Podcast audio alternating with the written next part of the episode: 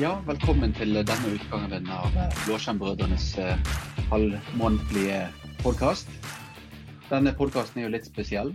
Vi er jo midt i den store Ignite-uken.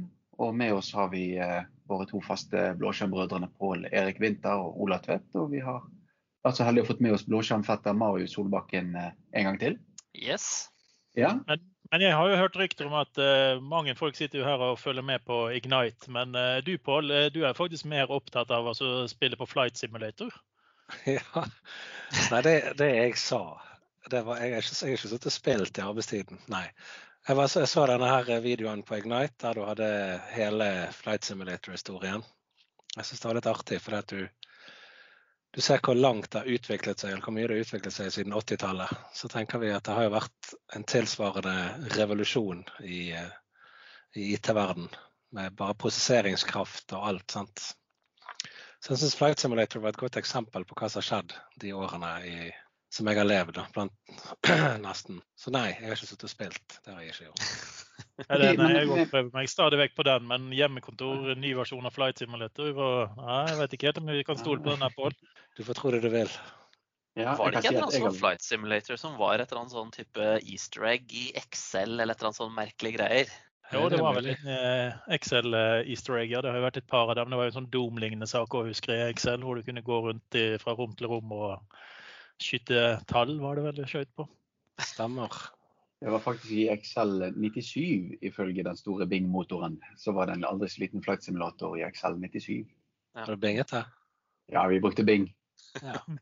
Ja. Det var litt kult. da. Altså, nå er jo Edge ble jo tatt fram eh, i flere eksempler, så jeg, på Ignite. Det er jo helt utrolig hvordan Edge har blitt nå et godt produkt.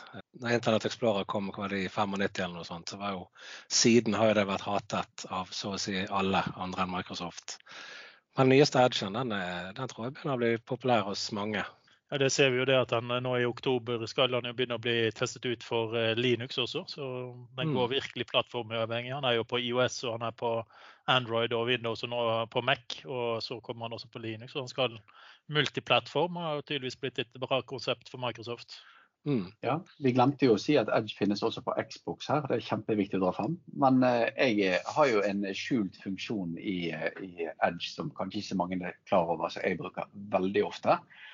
Og det krever kanskje litt, eh, litt kvassere PC enn en enn Vi vet- det Vi allmennste vet har. hva du bruker inkognito-modus på, Alex. ja, men eh, Application Guard er jo faktisk en funksjon som, eh, som eh, er veldig verdsatt for min del, i hvert fall. Som gjør at du kan teste nettsider og tjenester i en sandbox. Så da starter du rett og slett opp en virtuell maskin og surfer løs. Og hvis det viser seg at det ikke var helt bra, så gjør det ingenting. Nei, for det er jo det at de har gått fra å eksplodere til å implodere. Sant? Altså Man tar alle, alle lyskige ting og så eh, suger den til seg og forsvinner. Sant? Så implosjoner er veldig viktig. Ja, og så kjører jo dette tross alt i kontekst av en helt ny PC. Så selv om du har en in, in private eller inkognito-modus, så henter jo den tross alt PC-en du sitter på. Mens Application Guard kjører jo da i en egen kontekst, for du sitter egentlig på en egen PC. Så Mm. Edge har veldig mange eh, fine funksjoner som, eh, som gjerne er undervurdert. Ja, Du kan jo programmere altså med, med, med lage policyer som gjør at eh, alle sider du ikke stoler på, blir åpnet i Application Guard, mens de du stoler på, blir åpnet i den vanlige vinduet. Så kan du forhindre copy and paste f.eks. også. Mm. Sånn du, det, er mange, det, er, det er mange gode funksjoner, så man bør helt klart se litt dypere inn på dette etter hvert.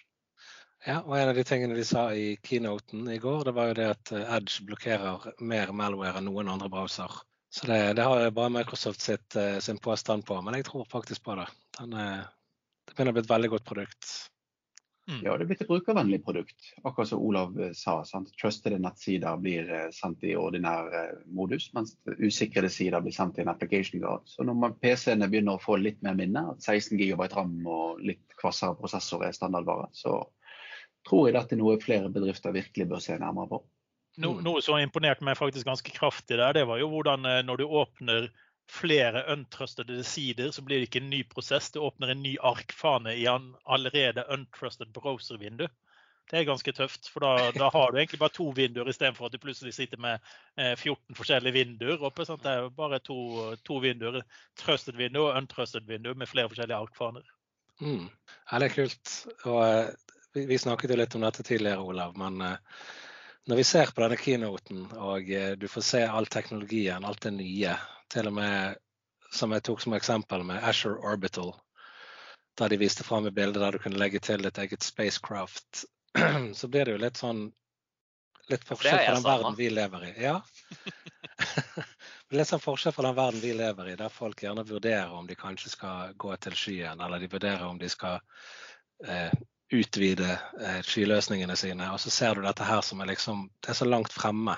Så da er spørsmålet kan, kan det være at det kan være litt sånn eh, skremmende for de som eh, ikke har kommet så langt, når du ser alle disse eh, AR-løsningene eller mixed reality og eh, alt dette som de viser fram. Kan det bli litt for mye, kanskje? Ja, Det kan jo fort bli litt at uh, man blir kanskje litt mer mørkredd enn det man bør, bør bli i noen tilfeller. Men uh, det spørs litt på hvordan de oppfatter det, de som ser. Men ja, jeg tror at mange kanskje blir uh, litt skjelven. Mm. Et annet poeng er jo noe du har snakket om tidligere, Olav. Når man kommer på disse store seminarene og man ser keynoten, så går alt i et ekstremt høyt tempo. Man ser mm. at, eh, at, dette er liksom motorveihastighet på ting. Og så glemmer man de som sitter på sidelinjen og venter på neste buss, som kanskje går om tre timer. Ja. Eh, så, så, det er å formidle budskapet til alle som jobber i IT, både de som nå sitter og dokker romskipene sine i, i uh, Asher Orbiting og, og alt slikt, og ned til de som faktisk bare skal forvalte eh, Office 365, eller kanskje til og med bare ha ansvar for SharePoint i skyen. Eh, mm. Helt enkle, små, veldedikerte områder. Og med en gang man da åpner døren og ser at det er en jungel der ute, så kan det bli fort overveldende. Mm. Jeg så, så, jo En av de store lanseringsnyhetene som kom, var jo egentlig ikke nødvendigvis en en eh, lansering, men en eh, rebranding. Og Microsoft har vel funnet ut at folk begynner å skjønne hvor ting er og hva det er. Så, så det er på tide å bytte navn på alt. sant?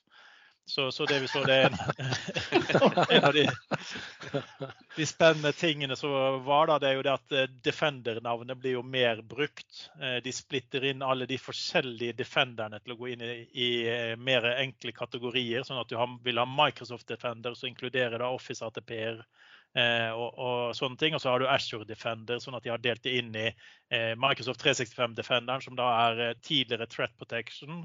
Og du har Endpoint Defender, som da har Advanced Threat Protection. Og du har Office Advanced Threat Protection, og du har Identity, altså Azure Advanced Threat Protection i Identity, som nå går inn i et Microsoft 365 Defender-konsept.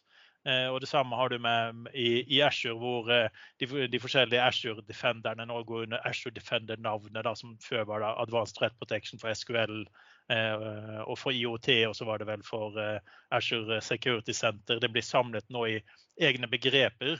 Og så får vi håpe at det blir samlet litt bedre portaler sånn at det er lettere å finne frem til alt. For nå har du egentlig vært avhengig av å hoppe fra portal til portal, og de ser litt forskjellige ut, og noen ser veldig forskjellige ut. Ja, det, det, det er ikke rart. Folk blir litt forvirret, altså. Nei, Du hørte hvordan Olav prata nå. Jeg tror det var flere som, flere av lytterne som bare hm, Nå zoomer litt ut her, jeg. yes. Og, og, litt av det som egentlig var poenget mitt med å ta det på den måten, der, det er at det blir veldig overveldende. Eh, og det blir det når du ser på, på Ignite-tallen. Eh, men jeg så faktisk en eh, kjapp Microsoft Mechanics-presentasjon av denne nyheten. Mm. Og han som hadde en 15 minutter video der, var helt fantastisk. For det er noe av det viktigste han sier, det er at det som er ditt, ditt største problem, begynn på den. Ikke begynn med vi skal implementere Defender. Sant? Nei, vi trenger først og fremst endpoint. Eller kanskje du trenger eh, på serverne dine først. Så, så ikke, ikke, hør alle nyhetene i ett og tro du kan implementere det like lett som man kan presentere det på en 90 eh, minutters tale på Ignite. Så man må faktisk finne ut hva trenger vi i denne møljen av ting. Ja, det, det, er et godt råd. Og så har jeg funnet ut hvordan vi kan fikse deg, Olav. Jeg så det at de hadde hevet ut et eh, Asher datasenter under havet. Så da fikk de en åttendedel av de feilene de ellers hadde. Så vi kommer til å senke deg ned nå i løpet av neste uke. ja. Men, men fortsatt en åttendedel av problemet jeg lager er fortsatt ganske mye, så jeg tror du må finne på noe bedre. Ja. Mm. Det var jo også, um, også annonseringa annonsering av Microsoft 365 Lighthouse. Hvor, um, hvor um, som, som ja, MSP, da, eller Managed Service Provider, så kan, kan, det jo også være utfordrende det å ha oversikt over alle de tinga som du nevnte i stad, Olav, inn i la oss si 20 forskjellige kundemiljøer, eller 300 forskjellige kundemiljøer. Så, så der også skjer det jo mye spennende som, som, for de som jobber i service provider-verdenen, med at du får én portal å forholde deg til hvor du kan se, eller få innsikt inn i alle kunder samtidig. Mm. Det er ikke sånn at du kan, du kan, gjøre en del oppgaver på et veldig overordnet nivå òg. Du kan sørge for at uh, de forskjellige kundene er oppdatert, f.eks. Eller du kan se de tingene veldig tydelig. Jo. For de som ikke kjenner Lighthouse. Mm. Ja. Det er jo litt av problemet. Altså du, som, som, en provider så må du tidligere så måtte inn og gjøre tingene grafisk mm. eh, på hver eneste kunde. Etter hvert så klarte du å gjøre noe med PowerShell, og så kom eh, MS Graf og gjorde det litt lettere å gjøre tingene. Men du måtte skripte og du måtte revurdere skriptene dine veldig ofte for å få det til å fungere. Så, så det, det der å lage en felles portal og en felles gang inn for en eh, provider er jo ganske viktig. Mm, og det er jo sånn Microsoft jobber en portal til. Det løser alltid problemet. Men nå er de oppe i hvert fall tre portaler i, i Microsoft 365 og Asher. Eller er det fire de har fått nå? Ja, men jeg tror Tusen. du kan sette på en null eller to etter den. ja, se bort fra det. Sant? Altså, Admin-portalen for SharePoint er jo fortsatt separat, for Exchange er separat. Mm. Eh, security and compliance. Ja, det er ganske vilt. Du kan gå deg litt vill. Det som var litt interessant bak alle disse portalene, var jo konseptet Secure Score, som de annonserte her for en tid tilbake igjen. Eh, det gjorde jo det veldig lett å få et overblikk over noe så relativt komplisert som sikkerhet. Og Dette fant du da i ett konsoll. Der kunne du se identitetsbeskyttelse, data, eh, enhet og, og infrastrukturbeskyttelse. Men, eh, til, ja, det var i gamle dager der man faktisk kunne, kunne finne alt i én portal. For til og med dette har de nå klart å splitte opp sånn at de skal finne det forskjellige steder også. Ja, Ikke bare det, men jeg husker om det var for ett eller to år siden hvor vi diskuterte Secure-scoren på Ignite. Eh, så var det det Nei, vi bruker poengsystem, for det går jo aldri an å gjøre dette her over til prosenter. Eh, og så plutselig går de innom og gjør eh, Secure-score over til prosenter igjen. Så det er liksom, jaha. Og så... Prosenter med 16 desimaler minst. Sant? Så det er 21,0000123. Nå er det vel tilbake igjen til poengscore, hvis jeg husker riktig. Så de hadde en eh, halvtårsperiode hvor det var prosenter og så man fant ut at det, det var ikke så lett allikevel å forholde seg til prosent. Det er faktisk begge deler. Det er faktisk både prosent og eh, poeng i samme portal nå. Ja, det er begge deler. Og det er som mm. Erik sier, eh, Organization like yours har 22,069952139 noe prosent. Så det er ekstremt mange desimaler. Og det er ganske bra med tanke på at de bare har tolv policyer. ja, 100 delt på 12, det er vel ikke et heltall, så. Da vet man det, at man er verd forskjellig. Mm. Men det er jo en god tankegang i hvert fall, da, at uh, de i hvert fall kan samle et sted hvor du kan få en overordnet innblikk i ting. Sånn, sånn at du, du, i hvert fall ser hvor du har en dårlig score og kan trykke deg inn og gå i, i de portalene for å se hva du kan gjøre for å fikse det. Mm. Ja, det er helt genialt. Og eh, Vi skal ikke si for mye, Alex, men eh, vi har jo fått i oppdrag å snakke litt om dette her på eh, Bergen Microsoft Community. Stemmer det. Det blir, eh, det blir eh, vollgraver og rett og slett eh, mellomkrigstidens beskyttelsesborger nå møter Secure Sport. det blir spennende. Håper jeg, da. Men grunn, grunnprinsippene til alt som har med, med, sikkerhet å gjøre, vil jo jeg eh, veldig ofte påstå at det er knyttet til identitet. Eh, og der, Marius, så sa jo Satya ganske mye spennende på keynoten sin. Ja, eller det som jeg, jeg i hvert fall syns er interessant nå, er at, eh, at, eh, Microsoft har jo ganske lang tid jobba med i en, i en, sånn, ja, hva skal man kalle det, arbeidsgruppe eh, med mange andre store selskaper om, om desentralisert identitet. Og det er nok noe vi kommer til å se mer om etter hvert. Det er jo definitivt ikke noen klar, klare standarder eller noen modne produkter og alt mulig sånt, men det er interessant at, at Satya allerede nå viser fram på en måte noe som du strengt tatt kan bruke, um, uten at det, eh, ting er så veldig forankra ned i standarder og sånn. Men, uh, men uh, konseptet er jo det at uh, eksempelvis Universitetet i Oslo da, kunne vært en utsteder av en type informasjon. For det her er jo ikke bare ren sånn Kall det 'her er mitt personnummer', men det kan jo være bilsertifikat. Ikke at Universitetet i Oslo driver med det, men det kunne jo vært type, type karakterer derifra eller sånne ting. Hvor jeg da kan gi, gi tilgang det er på en måte sånn blokkjein-tankegang. da, Så jeg kan gi tilgang til, til eksempelvis der jeg søker jobb, eller forskjellige sånne ting. Eller til LinkedIn, eller forskjellige sånne, som da kan aksessere mine data som ligger på en offentlig blokkjede, men fortsatt, fortsatt sikra. Da, sånn at ikke alle dataene er åpne for hvem som helst, men det er jeg, jeg som styrer den, den tilgangen. Da. Så er det på en måte en, en offentlig blokkjede som, som i alle fall står for å holde hvem som, hvem som har hvilke data. Så det er fortsatt Universitetet i Oslo sine systemer som har dataene, men, men blokkjeden eh, holder styr på, på utstedinga og tilgangskontroll og sånne ting. Da. Så eh, det, det, kan bli veldig interessant å se, se hva som skjer der. For det, det at Satya viser fram noe sånt nå, kan jo bety at det er nærmere enn vi kanskje tror, da. Det er vel kanskje det at de vil komme inn som en, eh, en provider i den kjeden de skal bygge opp av dette. For det vil jo bety at når du har en identitet som ligger på denne måten, så, så blir du bare koblet opp mot Office 365-abonnementet. Du blir ikke opprettet som en bruker, men du blir jo heller opprettet som en trusted identitet fra et annet system. Så slipper du å ha en identitet der og en identitet på et annet sted.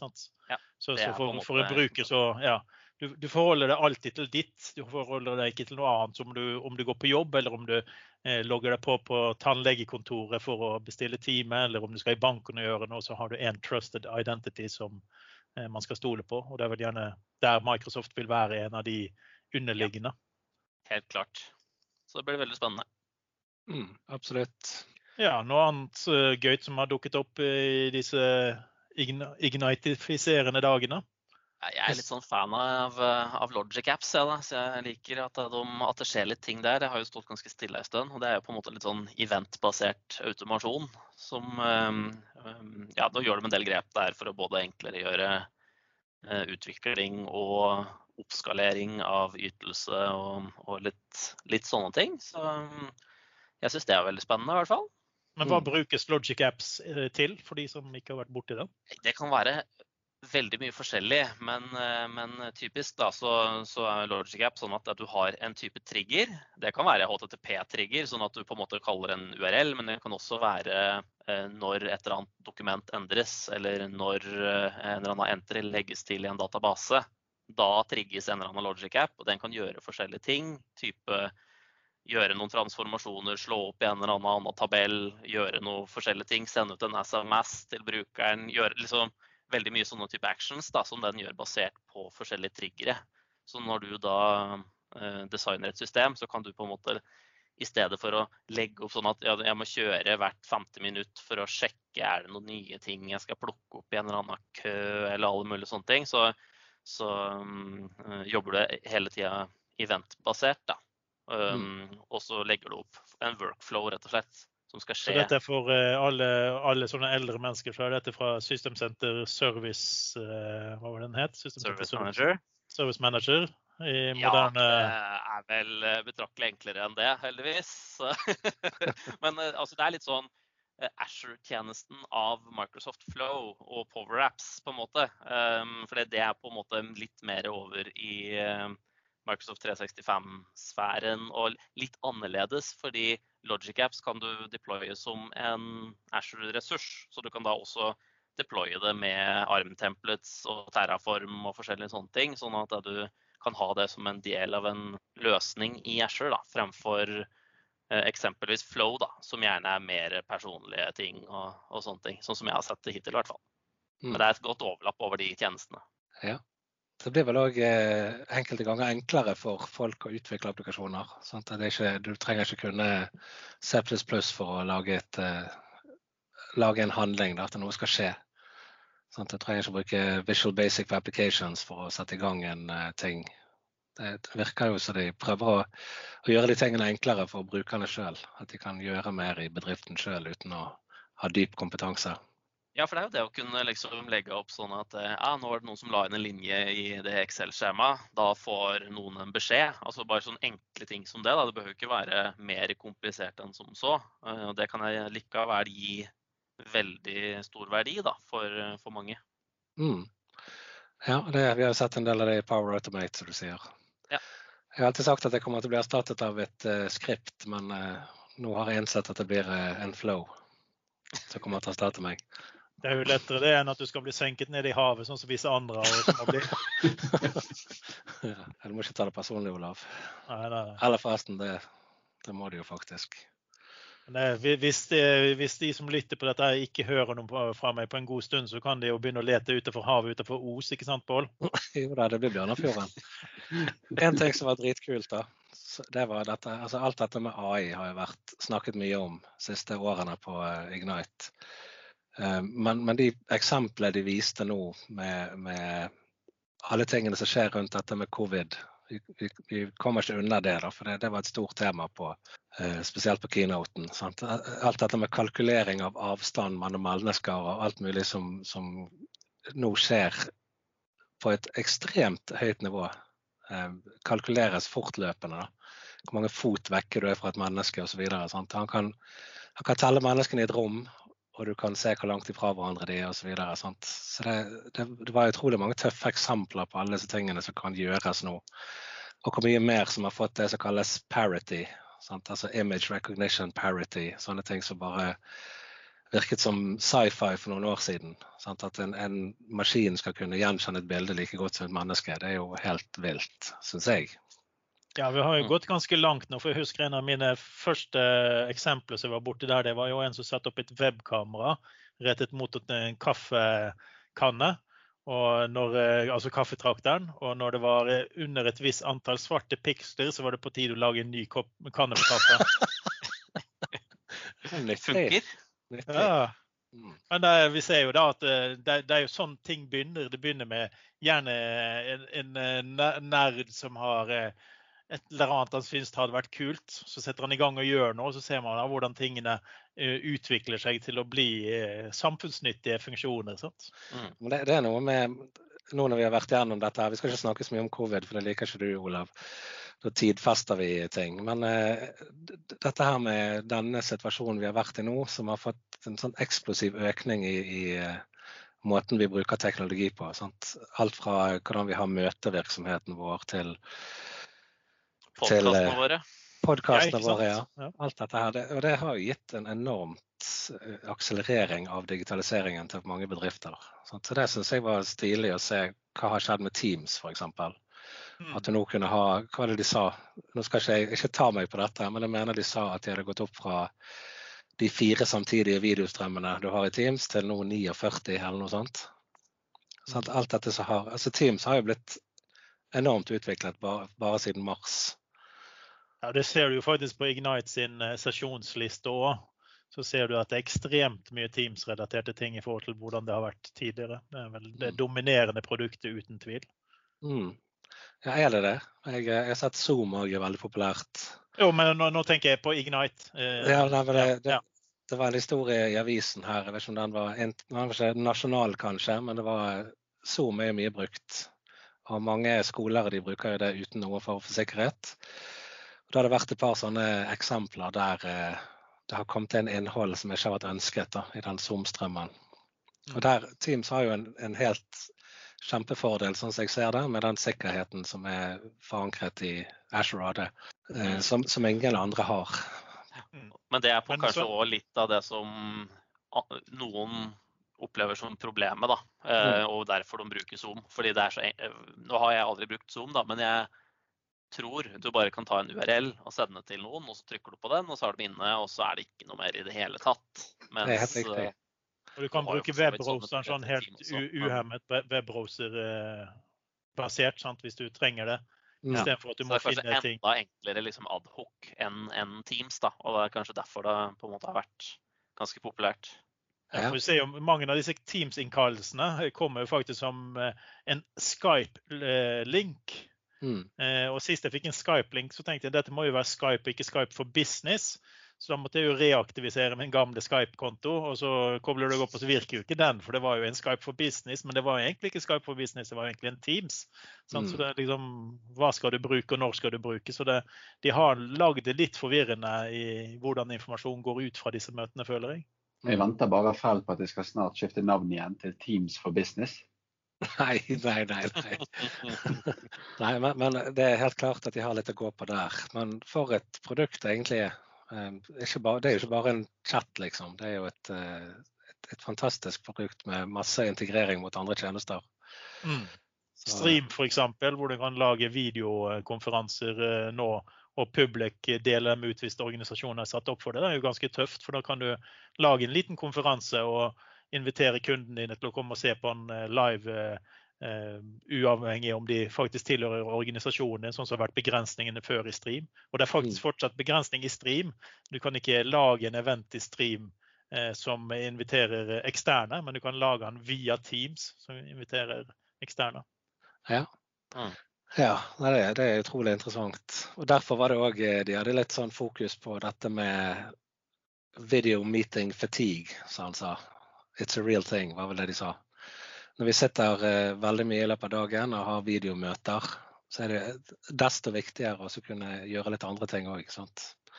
For eksempel, eh, de hadde et godt eksempel. Da. Skal du ha lunsj, f.eks. Ikke sitt foran PC-en og les e-post når du spiser lunsj, men gå vekk fra maskinen og sett deg i sted og gjør akkurat det. Vær, ja, ta vare på deg sjøl i den tiden. For det var, de nevner jo det flere ganger i løpet av keynoten at det er stor sjanse for utbrenthet når vi jobber sånn som vi gjør nå. Mm. Jeg har jo fått og, eh, montert en sånn vannbeholder jeg her hjemme, sånn at jeg kan gå dit og møte familien når de rutter rundt. jeg har ikke du kaffeautomaten i gangen? Ja, jeg har prøvd å få dem til å drikke kaffe, men det fungerte ikke så bra. Så da var det litt ensomt. Så derfor får man heller opp denne vannbeholderen. Så. har du prøvd mm. katten? Katten vil ikke ha kaffe? Nei, katten ikke ha kaffe. Du nevnte jo det at den together mode var på en måte mer avslappende for uh for ja, både øver og alt mulig. Eh, sånn at du på en måte mm, konsentrerte deg litt mindre om ting og tang enn sånn tile-oppsett for video. da. Det syns jeg var litt interessant. Men jeg har jo alltid syntes den together mode er veldig corny å se på. da.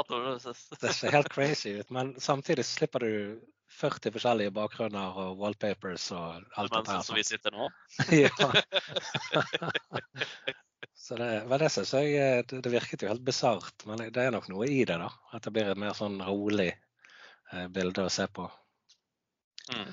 For de som lurer på hva det er og ikke har sett det, så ser det fremdeles ganske umodent ut, syns jeg. da. Det sitter en, en, gjeng på gjerne i et auditorium der hvert, eh, hver videostream er liksom bare et hode omtrent. Eller langs et møtebord. Det ser jo veldig rart ut, men tenk hvor kult det kan bli.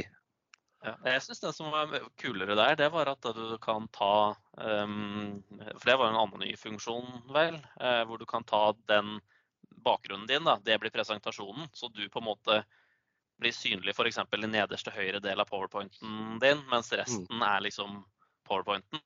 Ja da, det er jo tøft. Mm. Men, men, det viktigste var liksom da det var mange som, som hadde video. Ja. Og så så du de satt i et sånt F.eks. et auditorium. Ja. Nei, det ser helt corny ut. Det er sånn som det er nå, det spør du meg. da, men, Så jeg må grise litt når jeg ser det. Men, eh, men det er helt sikkert et poeng. Mm. Det er jo tilbake til kaffetrakteren hvor du målte pikslene for å se om eh, kannen var tom. Sant? Det er jo egentlig det samme som skjer her. Altså det, ja, det er funksjonen som er på vei inn, og etter hvert så blir det nok ganske kult. Altså det er jo bare å se bakgrunnsbildene som har begynt å bli ganske bra nå i forhold til hvordan det var til å begynne med. Så eh, Alexander er jo her i Jurassic Park og du Marius, du blir jo nesten skutt pga. at du har masse aliens bak deg. sant? Så... Mm. Nei, det har skjedd mye der òg. Så det, det, er en stadig utvikling. Og jeg tenker jo sosialt akseptert. Det tror jeg kanskje òg er litt, eh, litt uh, aktuelt. Det er blitt sosialt akseptert at man har litt personlige, gøye bakgrunner bak seg. Det er, bare, det, det er bare noe du tror, Alex. Vi snakker om deg bak ryggen din. Nå igjen? Ja. Nei, men det er klart det men, men, det skaper jo litt sånn glede, da. Litt morsomt. Sant? Nå sitter du som sagt foran Jurassic Park-porten, og vi venter bare på at kommer en dinosaur og tar deg. Og eh, Alexander har jo i lang tid her prøvd å påstå at han har filter på bildene sine, men det er jo egentlig bare han som kler seg så rart.